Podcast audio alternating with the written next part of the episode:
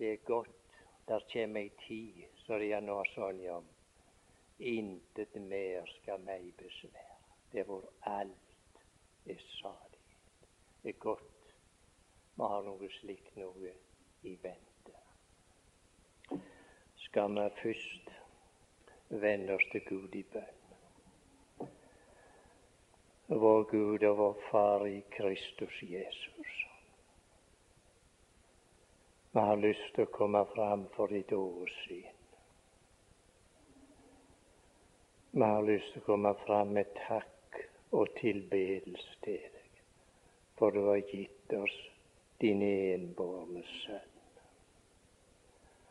Så har du lovt dette her, at han skal komme igjen. Så skal han ta oss så skal vi være i din nærhet i all evighet. Vil du hjelpe oss som er samla om ditt ord, og gi oss ydmyke hjerter til å ta imot det. Til ære for deg. Det er vår bønn, og det er min bønn spesielt, Herre, når du skal tre fram for ditt åsyn med et vitnesbyrd ifra om deg og til deg, Herre. Ugi nåde til å være lydige og bære fram det offeret som du har lagt på hjertene. Det ber vi om i Jesu navn. Ja, det er visst noe her kanskje som må ordnes på.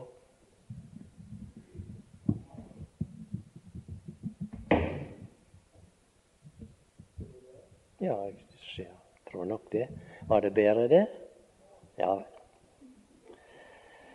Det står alltid for meg, når jeg skal avlegge et vitnesbyrd, det som står i Peters brev, om noen taler, han taler som Guds ord.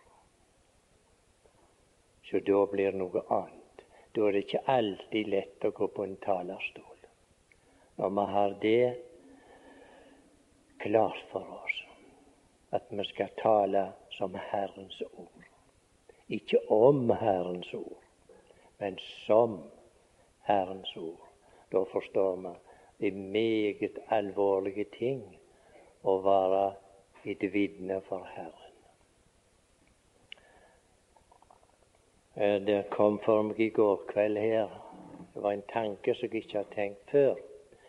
Men sangen var vel den første sangen det var koret. Hvordan var nå det, da?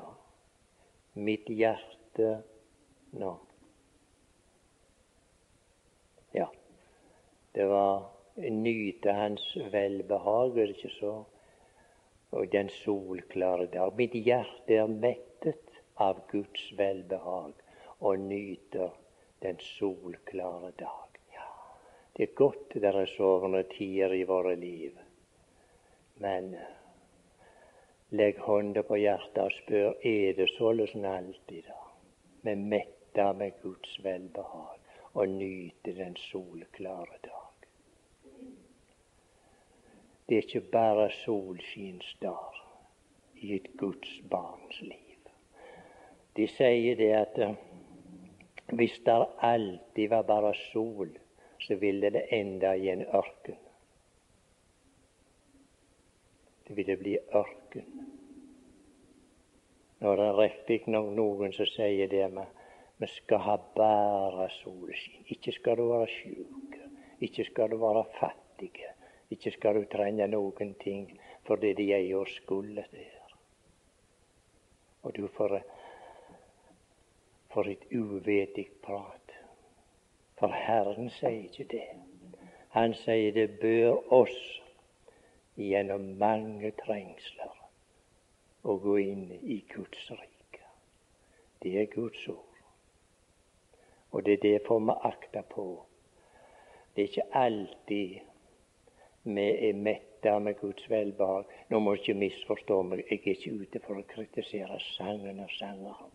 Aldeles ikke. Det blir aldri noe av. Men jeg tenkte akkurat på dette her. Om hjertet er det fylt med Guds velbehag til hver tid. Der er noe som er enda bedre kommende for meg. Det er å ha et hjerte som aldri får nok. Et som alltid skriker etter mer. Et som vil ha støtt noe ifra, ifra, ifra Herren. Og du, det velsigna det. Må det være slik for oss når vi kommer fram for Hans åsyn, at vårt hjerte er umettelig. Og da blir det ikke bare solskinnsdag, da blir det skodd òg. Vi kjenner sikkert til det. Der er dager når det er regn, og det er da der, der vokser noe. Det er når det er blandingsvær. Må Gud gi at Han får gi oss den nåde at vi er umettelige på samfunn med Han. Her vi vandrer. For vi vandrer i Tåredalen, nemlig. Nå skal vi lese om det. Vi skal lese den 84. salme. Eller dere unge vil vel Vi skal si den 84. salme. det så forstår vi det begge deler på vi er eldre og yngre. Salme 84. Vi skal lese gjennom den salmen. Hvor elskelige dine boliger er, Herre, herskarenes Gud. Min sjel lenges, ja, vansmekter av lengsel etter Herrens forgårder. Mitt hjerte og mitt kjød roper med fryd til den levende Gud. Sporven har funnet seg et hus, og svalen et rede hvor den har lagt sine unger. Dine alter, Herre, herskarenes Gud, min konge og min Gud. Salige er de som bor i ditt hus, de skal stadig love deg. Salige det menneske som har sin styrke i deg, de hvis hu står til i jevne stier, når de vandrer gjennom Tåredalen, gjør de Tåredalen til en kildevann, og høstregnet dekker den med velsignelser. De går frem fra kraft og til kraft. De trer frem for Gud på Sion. Herre Gud, hærskarenes Gud, hør min bønn. Vend øret til Jakobs Gud, Sela. Gud, vårt skjold, se til oss Gud, din salvedes åsyn. For en dag i dine forgårder er bedre enn ellers tusen. Jeg vil heller stå ved dørterskelen i min Guds hus enn bo i ugudelighetstelt. For Gud Herren er sol og skjold. Herren gir nåde og ære. Han nekter ikke dem noe godt som vandrer i uskyld. Herre, hærskarenes Gud, salig er det mennesket som setter sin lit til deg. Salig er det mennesket som setter sin lit til deg. Vi legger merke til her i, i begynnelsen på, på denne salmen Det er salme av Koras barn. Og legg merke til når vi leser om de folk det ser ut for at de forstår seg kanskje mer på nåde enn mange andre. Hvis vi slår tilbake i første, nei, fjerde Mosebok, er det vel, der står om Nå skal ikke jeg lese det akkurat nå, men det kan du gjøre ved leilighet. Det er i fjerde Mosebok kapittel 16. Der leser vi om Kora. Han og noen andre de hadde sammensvergelse imot Moses og Aron de mente de, de var like hellige og hadde like stor rett å vandre der som de som hørte Israel til, som Moses og Aron hadde. De opphøya seg. Men vi så utgangen på det. Herren, eller Gud, talte til Moses i den anledning, og han falt på sitt ansikt, leser vi både, både Aron og Moses, og talte til Herren om den gjenstridighet som de folket der la for dagen. For de var 250 mann iblant Kora og Datan den tida. De opphøya seg. Og så sa Moses til dem i morgen skal, skal vi se hvem som er hellige. Så talte Moses til Herren om disse ting. Og morgendagen kom, og så sa Herren til folket trekk dere til sides. I dag skal jeg vise hvordan det skal gå med de som opphøyer seg. Folket trakk seg til sides. Så var det Kora og Datan og, og de folka der de blir stående for seg sjøl. Og så ser vi det skuet. Jorda åpner seg. Og så står det de får levende ned i dødsriket. Og de ble fortært av ild. Men Koras barn sto og så på dette. De ble av dem.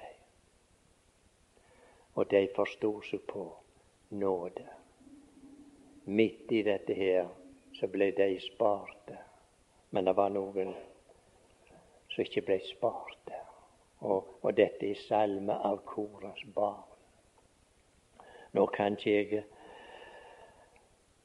gå i detaljer her. Jeg evner ikke det. Men det er noe som fryder mitt hjerte, som vi leser i salme, nei, i vers 6, 5 og 6 og 7. Og der står i vers 5.: Salige de som bor i ditt hus, de skal stadig love deg.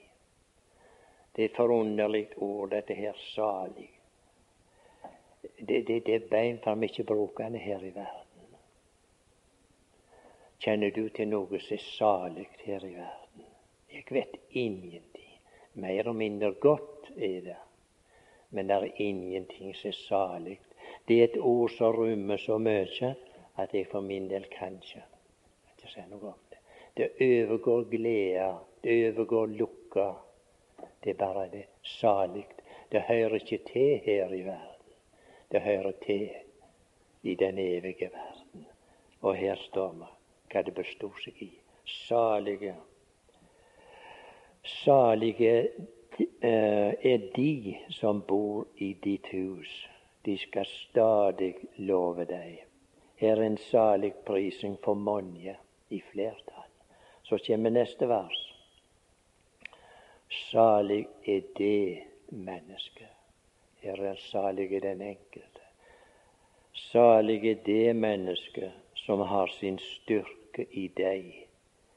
De hvis hun står til de jevne stier når de vandrer gjennom Tåredalen, hva så? Gjør de Tåredalen til en kildevann. Gud gi at de hadde mange sånne evighetsvandrere som var i den tilstand som her står. Det var de som bor i ditt hus. Salige det mennesket som har sin styrke i deg. Og vi finner i Guds ord at styrken eders, styrken, eders glede, styrken Det er ikke så det står i Nå skal jeg prøve å finne det.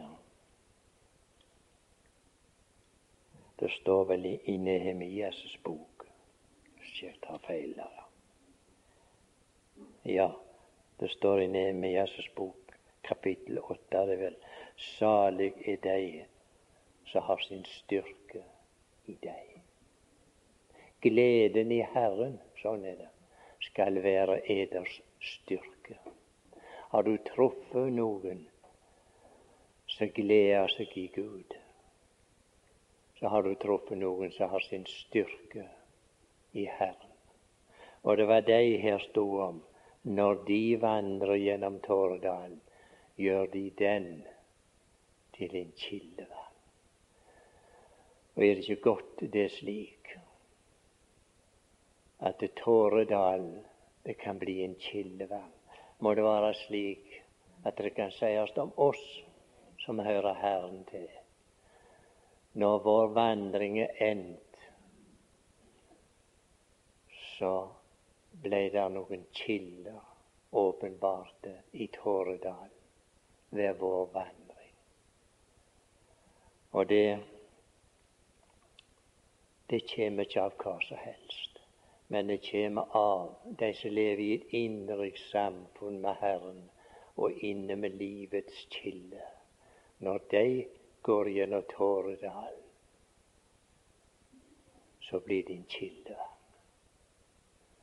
Vi leser dette Det er vel i Johannes 4 vi leser om det. Det var en kvinne en dag som kom ut til brønnen og skulle hente vann. Og så traff hun en mann der. Der står om han. Han var trøtt av reisa. Og så satt han der ved brønnen, og så ventet han nettopp på denne kvinnen. Han kom ens ærend, ser det ut til. Han hadde reist langt og var trøtt av reisa for å treffe den kvinnen der. Hun som kom ut og skulle hente vann. For han hadde et levende vann han ville gi henne. Og beretningen forteller oss hun fikk drikke av det levende vannet. Følgen vet vi. Hun glemte vekk vasskrukka si og det hun gikk etter. Og så gikk hun inn i staden og så sa hun det skulle vel aldri være Messias jeg har truffet. Han sa ja, Nå vil jeg slå tilbake der i Johannes evangeliet, at jeg ikke refererer feil.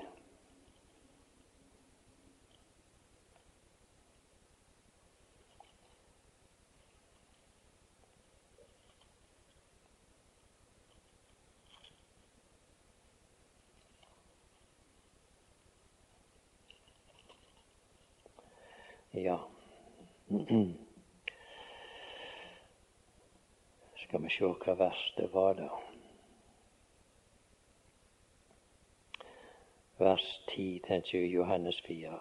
Jesus svarte og sa til henne, kjente du Guds gave, og visste du hvem det er som sier til deg, gi meg å drikke, da hadde du bedt ham, og han hadde gitt deg levende vann. Kvinnen sier til ham, Herre, du har jo ikke noe å dra opp vann med, og brønnen er dyp. Hvor har du det, det levende vann fra? Du er da vel ikke større enn vår far Jakob, som gav oss brønnen og selv drakk av den, han og hans sønner og hans fe. Jesus svarte og sa til henne, enhver som drikker av dette vann, skal tørste igjen, men den som drikker av det vann jeg vil gi ham, skal aldri i evighet tørste. Men det vann jeg vil gi ham, blir i ham en kilde som veller frem til evig liv. Det er dette livets vann som lager kildevann midt gjennom Tåredalen. Det er dette. Og vi vet det er, det er vel i kapittel sju Herren sto og talte. Der står det på den siste, den store dag i høytiden, sto han og ropte om noen tørster, han kommer til meg og drikke.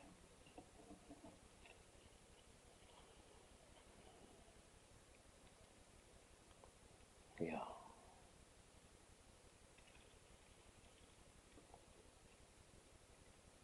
Men på den siste store dag i høytiden, det er kapittel 7, stod Jesus og ropte ut om noen tørster, han kommer til meg og drikke. Den som tror på meg, av hans liv skal det, som Skriften har sagt, renne strømmer av levende vann. Det var det denne kvinnen fikk erfare. Hun fikk kjella her inne som hun aldri hadde kjent før. Og da, der kom levende vann. Og det stoppet ikke opp i henne. Hun gikk inn i staden, og så fortalte hun om dette her. Og nå undrer jeg meg på hva du og jeg vil si Hvordan er det med oss? Er det stillestående, dette livets vann i ditt og mitt liv? Eller flyter det ut til andre? Har du lagt merke til alle disse så tyste som går rundt oss? Noen av Guds bånd, de hungrer etter, de tyster etter å bli trøsta av dette livets vann så går du og jeg og bærer på det sånn innestengt. Måtte Gud hjelpe oss at det levende vannet fikk flyte ifra oss om dagen og der vi går. Det består ikke i høye og lange taler, aldeles ikke, men det består i den ånd som Han har gitt oss, til å vandre som barn av Gud. Det skulle her var sagt det skulle rinne strømme av levende vann. Det vann jeg vil gi ham, det blir i ham. Blir i ham en kilde med vann som veller frem til evig liv. Hva slags erfaring har du? Veller det frem om dagene der du går, og der jeg går? Dette livets vann, som mange har så bruk for å få drikke. Du, de, de får drikke gjennom barn av Gud, de som vandrer i Tåredalen.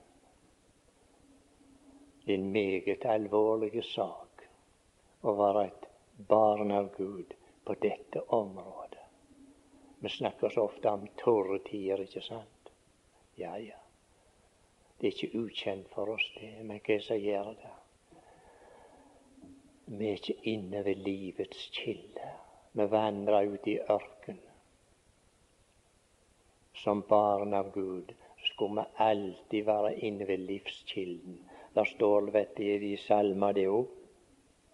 For hos deg er livets kilde. Må Gud hjelpe oss til at vi ikke nøyer oss med bare små bekker Innskjønt de jo kommer derifra. Men vi arbeider oss opp ifra bekken og opp til kilden. Og vi blir liggende der. Så får vi noe å gå ut til våre medbrødre, våre medsøstre, og til den døyende verden med dette livets ord.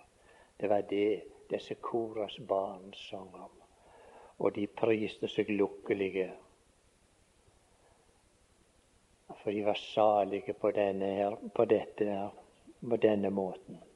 I siste verset leser vi vel Nå skal vi gå tilbake til den salmen. Herre herskarenes Gud, salig er det mennesket som setter sin lit til deg. Salige deg som setter sin lit til deg. Vi leser videre derifra ifra vers 7. Når de vandrer gjennom Tåredalen, gjør de Tåredalen til en kildevann, og høstregnet dekker den med velsignelse. De går frem fra kraft til kraft. De trer frem for Gud på Sion. Herre Gud, herskarenes Gud, hør min bønn. Vend øret til Jakobs Gud. Gud, vår skjold. Se til oss Gud din salvedes åsyn. For en dag i dine forgård er bedre enn ellers tusen. Og jeg vil heller stå ved dørterskelen i min Guds hus enn bo i ugudelighetstelt. For Gud Herren er sol og skjold. Herren gir nåde og ære. Forunderlig. Der er ingen andre som kan det. Gi nåde og ære. I denne verden er det en umulighet. Den som har fått nåde, han kan ikke få ære. For den som er benåda, han er skyldig. Han kommer aldri fra sin skyld. Men han kan bli benåda. Men han kan aldri få æresoppreisning. Men det kan Gud. Han kan både benåde og han kan gi æresoppreisning, men det er en annen person. Det er Guds sønn. Det er i Han som heter nåden. Det er der man får oppreisning. Herren gir nåde og ære. Jeg leser i en annen oversettelse. Der står Herren gir nåde og herlighet. Nåde og herlighet. Jeg synes det, det strekker seg enda lenger ifra han, for vi vet nåden, det var begynnelsen. Og så har vi da, kan vi si, endepunktet for nåden. Det er herligheten. Og imellom disse to ytterpunktene, nåden og herligheten, der kommer det stykket inn for i våre liv som heter vandringen. Det å vandre med Herren imellom disse to punktene, når Han tok oss opp og benåda oss i den elskede, inntil vi sjå Han i herlighet. Og det var det som er nevnt her. Det er det stykket som heter Tåredal. Så har vi det hver på vår måte. Men her gjennom Tåredalen så er det en som føler oss. En som ber oss. Og som leder oss ved sitt råd. Det var det Asaf sa når han hadde sett på hvor, hvor kjekt det ugudelige hadde det, og hvordan han skrøt. Men han snakket ikke sant, Asaf, den gangen. Han så seg blinde på de ugudeliges lukka, og så glemte han sin egen lukka inntil jeg gikk inn i Guds helligdommer og så deres endelig. Så fikk pipa en annen lyd, og så sa han Men jeg blir alltid hos deg. Du har grepet min høyre hånd. Du leder meg ved ditt råd, og deretter, deretter Har du tenkt på det, troende bror og søster? Du og jeg vi har et deretter. Det er det vi går og venter på. Deretter, sa han, opptar du meg i herlighet. Og det fyller våre hjerter som vi vandra gjennom Tåredalen. Ifra den dagen tok oss til nåde. For vi skal huske på at nåden var ikke kjent i de forrige tidsalder på den måten som vi kjenner. Han var kjent Nåden var kjent i skyggebilder. Så Gud, så Gud hadde forordna med Det begynte med Abel. Det begynte med et blod som måtte dø, men det måtte blod til. Og blod ble utgitt. De var så visst ikke uskyldige, de folket som satt der i, i, i Egypten. Det var et hardnakka folk, sier Guds ord. Men det var nåden som kom. Og det var nåden som førte de ut. Men der måtte et liv til, og et blod til. Og vi ser videre. Det var nåden som førte de hele veien. Og den siste tida nå har jeg forundret meg så over den nåden som fulgte de gjennom hele vandringen i ørkenen. Og det, de, de var et hardnakka folk, men nåden forlot de aldri. Og vi leser det var når de var med Refidim. De var kommet så langt, de var kommet gjennom ørkenen, så var de kommet like opp til landets grenser. De kunne bare sette den ene foten ut, så hadde de vært innenfor, men de sa nei. Nei, sa de. Vi vil ikke inn, for det er så mye fiender i det landet. Sterke fiender. Ja, men Gud sa, jeg har gitt dere landet. Gå inn i landet og ta det i besittelse. Nei, sa de. De gikk tilbake.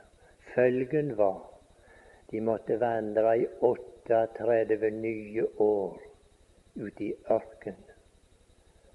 Og så var de kloss opp til, men de ville ikke. De ville ikke sette foten inn på løftets land. De var redde om omkostningene.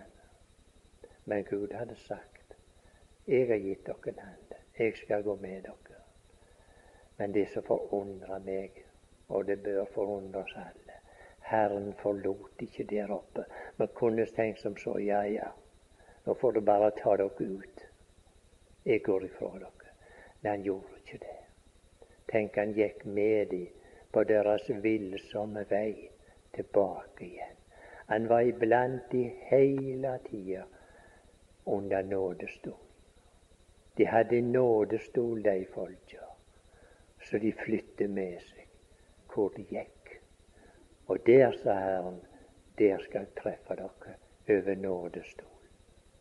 Og hvis ikke det hadde vært, så hadde han utsletta de. Han sa med Moses vet en gang gå til side, sa han. La meg få utsletta disse folk. Men Moses han gikk i forbønn for dem og sa ja, vil du da gjøre med de store navnene, når du vil utslette disse folk? En forunderlig Gud. Der står han er der står om han Israels trofaste Gud lyver ikke. Ja, så kan du og jeg anvende det i våre liv.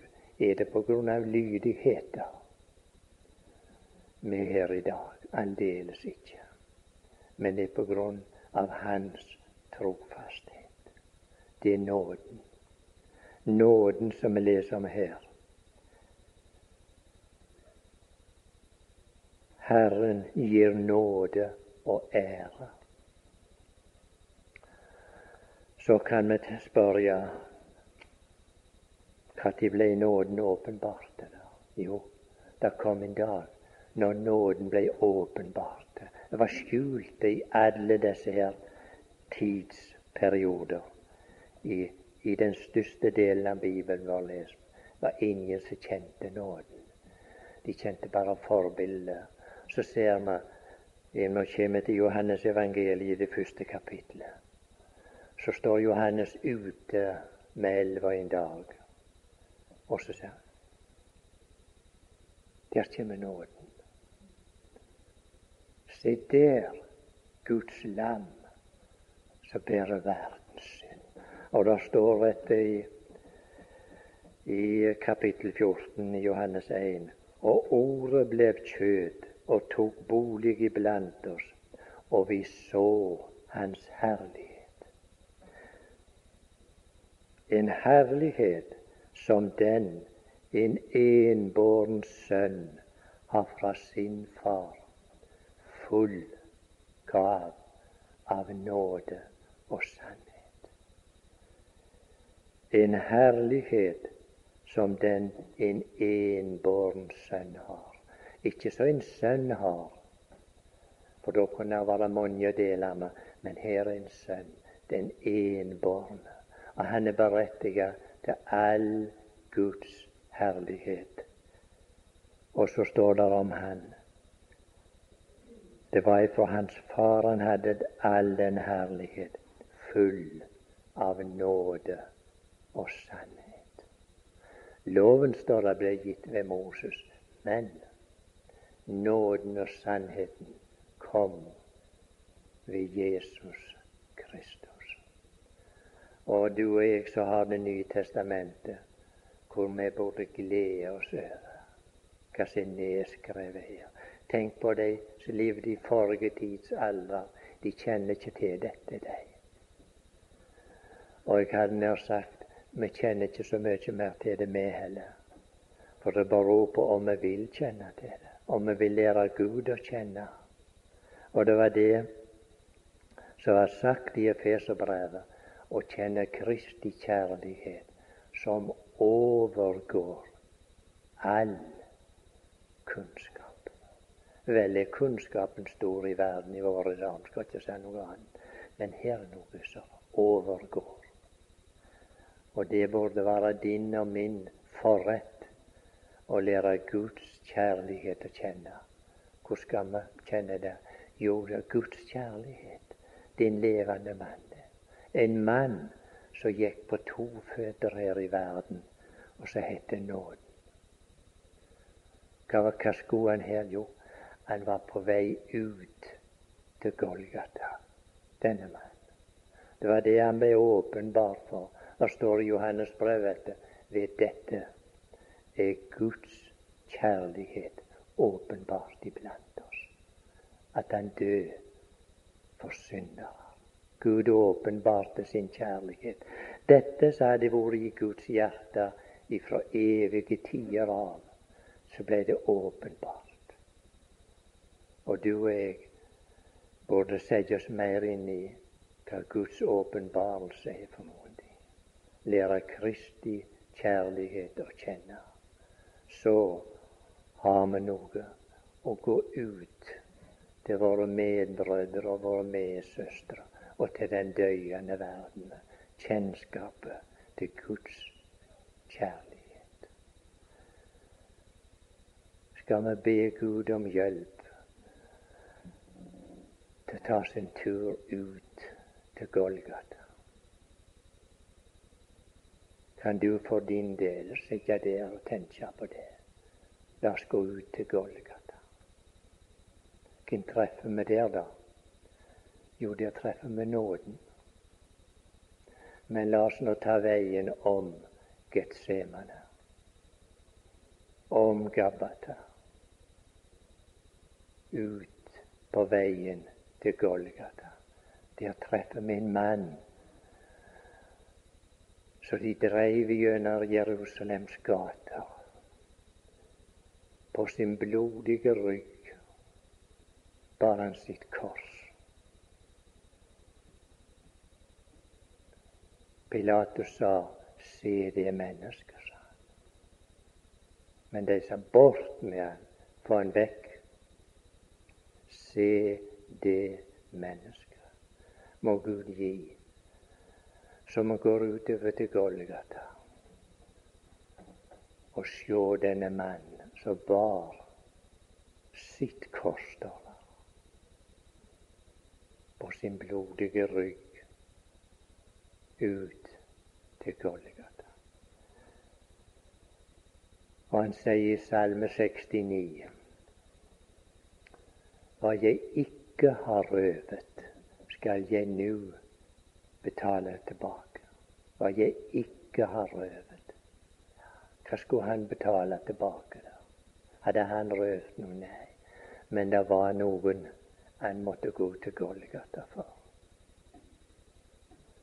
Og det var blant annet du og jeg som er her i dag. Når vi kommer ut til Golgata, så møter oss et syn som verken himmel eller jord hadde sett før. Har du lagt merke til når vi leser i evangeliene, kanskje i, i Matteus 27, du kan lese det ved anledning. Her møter vi alt av krefter, både i himmel og på jord og i helvete, som var møtt opp her. Her møter vi menneskelige råskap, toppen av menneskelige råskap. Her møter vi Satan i presteskapet, i de skriftlærde og prestene sa. Andre har han frelst, Seg selv kan han ikke frelse. Stig nå ned av korset, vi, skal vi Herre nå tro på det. Inspirert av Satan. Og han som åpenbarte seg der i, i Edens hage en gang, han sa har Gud virkelig sagt? sånn? Han sådde tvil. Her er han på plass ute på Golgata. Det er gjennom den religiøse leir. Og så tvil. Er du Guds sønn? Han hadde sagt 'jeg er det'. Men de skulle ikke ha noe med det. Og forresten var det del, det var litt sant i det de sa òg. Andre har han frelst. Seg selv kan han ikke frelse. Nei, han kunne ikke det. Hvis han hadde frelst seg, så hadde du og jeg gått. Det hadde blitt følgen av hvis han hadde frelst seg sjøl. Men han var nåden. Og så ser vi dette vidunderlige, eller forunderlige skue. De la han ned på korset, og så nagla de han til korset. Uten et bebreidende ord lot han seg nagle. Hvorfor? Ja, ja, nå kan du svare for deg. Det skulle vel aldri være for dine synder. Det var for mine. Han lot seg frivillig nagle til korset. Har du betrakta han når de reiste han opp? Når han henger der? Har du sett opp i det åsyn, tildekket av spytt, slått, bulet? De slo han med kjepper, leser vi, og de slo han i ansiktet men ikke et bebreidende ord. Det var nåden. Det var nåden som nå var for oss ute på Golgata. Så hadde de trykt ei krone av torner ned på hans hode, så blod rant. Spytt og blod. Og så hånte de der han hang. Hvorfor? Jo, nå skulle han betale tilbake det han ikke hadde røvd. Det var noen andre som hadde røvd, men han måtte betale. Og dette er nåden. Og der ble han hengjende. Og han hadde alt imot seg. Mennesker var imot han. Satan var imot han. Og Gud var imot han. Har du tenkt på det? Han hadde Gud imot seg. For nå var Guds rettferdighet møtt fram på Golgata, og den sa vær så god, betal. Jeg krever en synders død, for den som synder, han skal dø, sa Gud. Det var ingen vei tilbake der.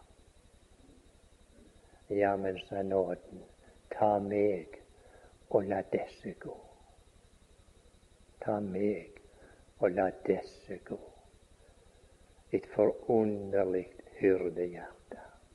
For der står det han åtte får. Han setter sitt liv til for fåra, men han kunne ta det igjen. Og som vi står der, så blir det mørkt ute på Golgata. Kan bare lese beretningen. Og midt i mørket så ble det men så merkelig stilt. Har, har, du lagt merke til når du leser denne beretningen om disse her gapende soldatene? Var det noe brøl, og var det noe uro? Nei, det var stilt. Gud sa nå er det nok. Eders time og mørkets makt.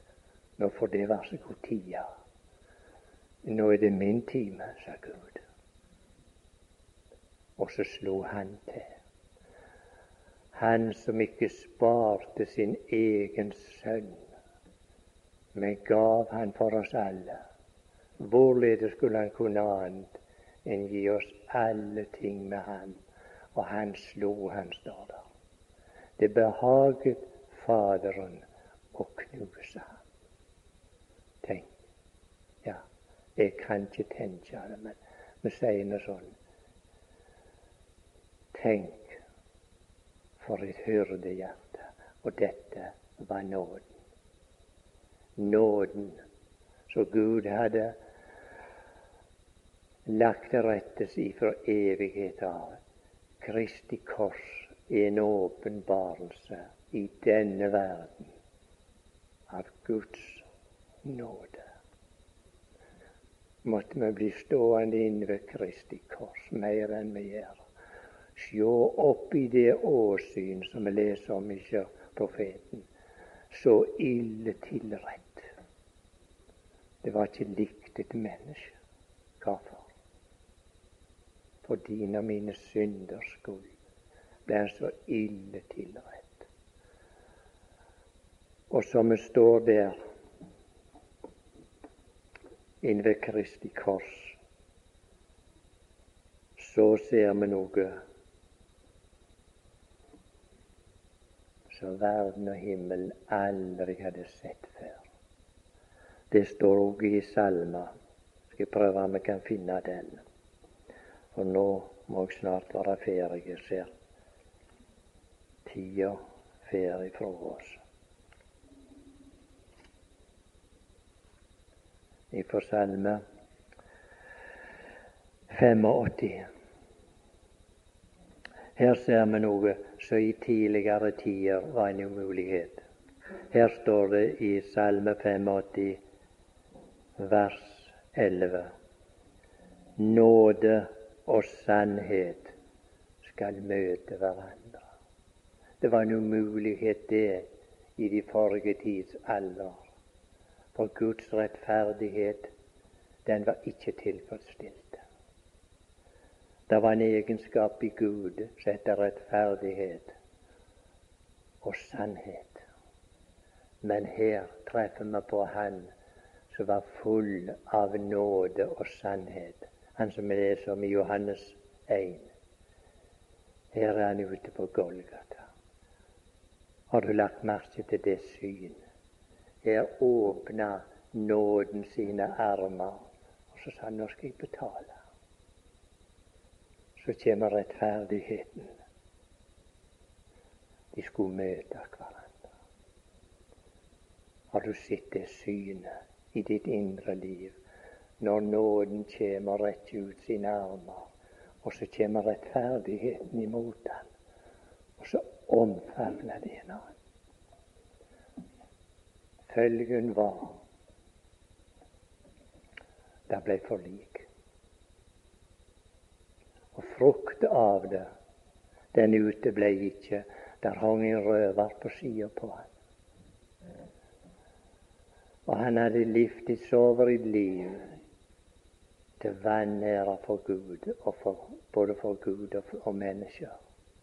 Og han hadde til og med spotta Herren, han òg i begynnelsen når de hang der. Men han så denne mannen, sa Herre, kom i hu når du kommer i ditt rike. Og så ser vi Guds ord sier i dag skal du være med meg i paradis. Tenk så omfavner noe av det usleste i denne verden. En røver. Og så gikk han inn i paradis. Paradis er ukjent før Golgata. Vi snakker av og til om i paradis, men der står ikke paradis i begynnelsen. Det var en hage. Så det gikk, og der var de tre kreftene. Der var Gud, der var Satan, og der var mennesket. Har du lagt merke til rett før Herren gikk ut til Golgata, så gikk de inn i en hage. I en hage begynte fienden, og i en hage gikk de inn når det skulle oppgjøre det. Det finner vi vel i,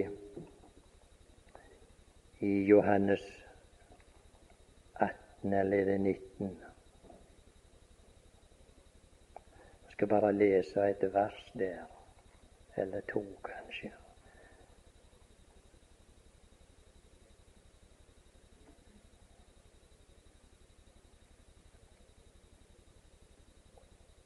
Ja, i Johannes 18 er det. Vi vet han hadde nettopp talt i den vi kaller for den ypperste prestelige bønn. Og så står det, så begynner kapittel 18. Da Jesus hadde talt dette, gikk han ut med sine disipler over bekken Kedron. Der var en hage, og i den gikk han selv og hans disipler inn. Nå skulle det oppgjør til, og det starta òg i en hage. Men Judas, som forrådte ham, kjente også stedet, for Jesus samledes ofte der med sine disipler. Her er Guds sønn på plass. Her er fortapelsens sønn på plass. Og her er menneskeslekta på plass. Nå skulle det oppgjør til. Og så har vi vært ute ved Golgata og sett på oppgjør. Så ber Herren oss, og så inderlig, når vi leser klagesangen, går det der ikke til hjertet. Alle i som går forbi på veien, skuser han og se om det gis en smerte lik min smerte. Den som Herren har forvoldt meg på sin brennende vredes dag. Tenk om den brennende vrede skulle truffet deg og meg. Fortapelsen uten skånsel. Hva var det han traff? Det var Guds brennende rettferdighet som sa synda, du skal betale. Hva synes du om nåden som betalte? Hva syns du om han? Måtte det inspirere oss til å leve et liv i hengivenhet til nåden. Snart skal vi treffe han. Denne nåden som er her skissert i Guds ord, din levende mann. Det var Han som kalte oss til samfunn med Gud en dag, og som føler oss på veien så sier Guds ord, så skal vi åpenbares i lag med Han. Er det i ja, er det i første Peters brev i kapittel 1 vi leser om dette her. Ja, la oss nå se på det. Første Peters brev.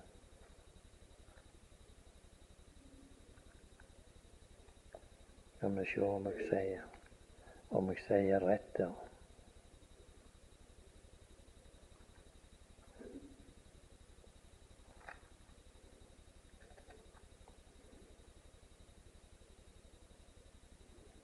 Mm, var visst litt snarere der.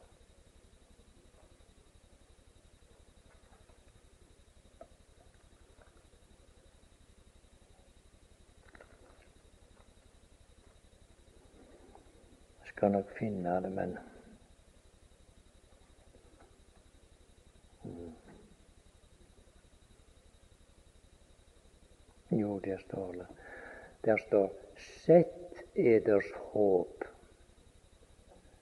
fullt og fast til den nåde som blir eder til del i Jesu Kristi åpenbar.